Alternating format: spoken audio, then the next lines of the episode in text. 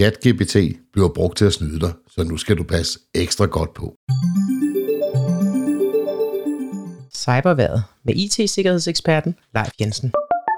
Velkommen til Cyberværet for uge 14. Allerede to måneder efter ChatGPT blev lanceret, havde den over 100 millioner brugere.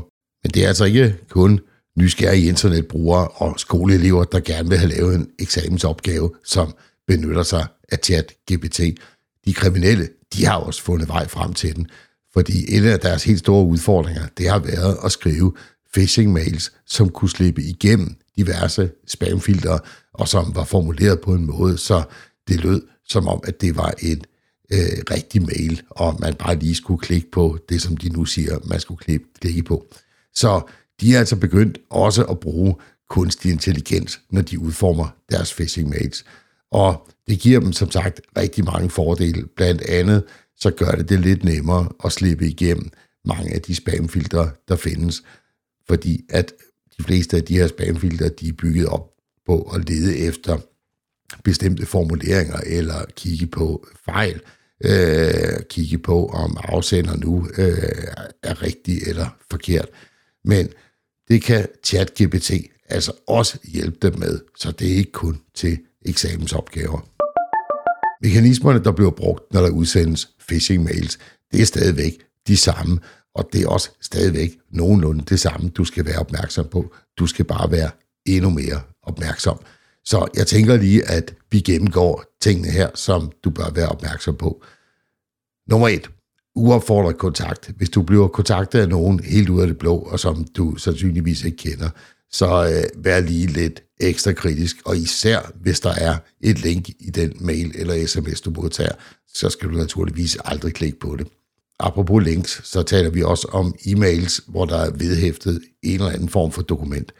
Lad være med at åbne det dokument, medmindre du er helt sikker på, hvem afsenderen er, og at det er en mail, du forventer at få.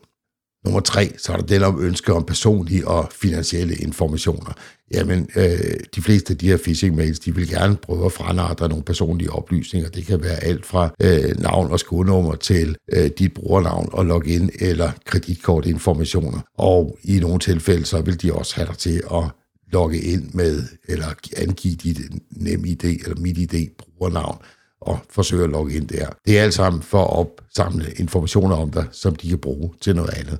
Så være rigtig opmærksom på, hvis du får mails, der øh, indeholder links, og som forsøger at hive informationer ud af dig. Lad være med at klikke på dem. Og får du trykket på et link, øh, hvor du får vist, øh, eller bliver spurgt om at indtaste noget brugernavn og password, så bare luk vinduet og lad være med at fortsætte. Nummer 4. Det er meget almindeligt, at man i phishing mails forsøger at presse dig på tid, så du har kun 48 timer til at reagere. Øh, får du sådan en mail, jamen så skynd dig bare at slette den. Nummer 5. Gratis ting eller øh, konkurrencer, som ikke er helt øh, legitime. Det er et, et rigtig brugt middel, når man taler phishing mails. Og du kan roligt leve efter den gode gamle devise. Hvis noget det er for godt til at være sandt, så er det det nok.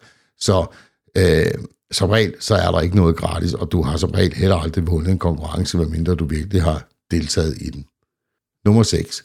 Den efterhånden øh, gode, øh, kendte metode til at se, om en mail er phishing, øh, hvor afsenderen udgiver sig for at være fra en eller anden virksomhed. Det kunne for eksempel være PostNord, men domænenavnet, altså øh, det, der står efter snabelaget på afsenderen, det passer ikke lige helt rigtigt. Øh, det kan være, at der er lavet et par små stavefejl, eller det kan være, at det er på et .com-domæne i stedet for et øh, .dk-domæne. Så hold lige øh, musen hen over afsender, eller øh, gør nogenlunde det samme på din mobiltelefon, og tjek, hvem afsenderen er, hvis du er det mindste i tvivl. Hvis du ikke er i tvivl, så er der ingen grund til at spille tid på det, så bare slet mailen. Nummer syv. Underlige eller generiske hilsner. Jamen, øh, normalt, når vi skriver sammen med vores venner, så kender vi godt øh, det sprog, som øh, vi taler med hinanden på.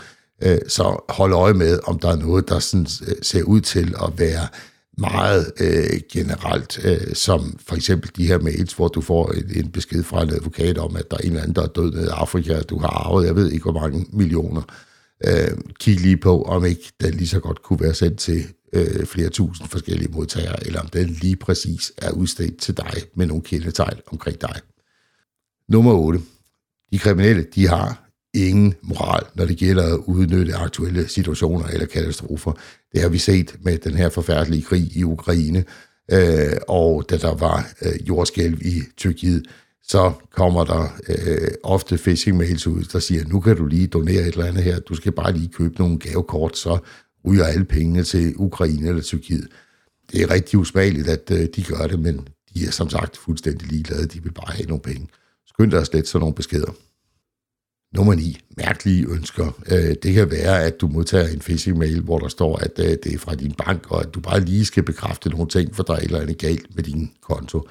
Vær nu opmærksom på, at banken aldrig sender dig en e-mail, hvor du skal bekræfte et eller andet. De kommunikerer med dig enten via e-boks eller inde i selve netbanken, eller også så ringer din bankrådgiver til dig.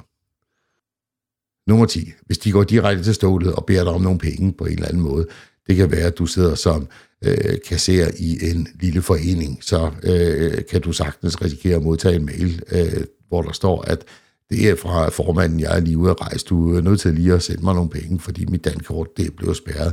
Overfør lige nogle penge til den her konto.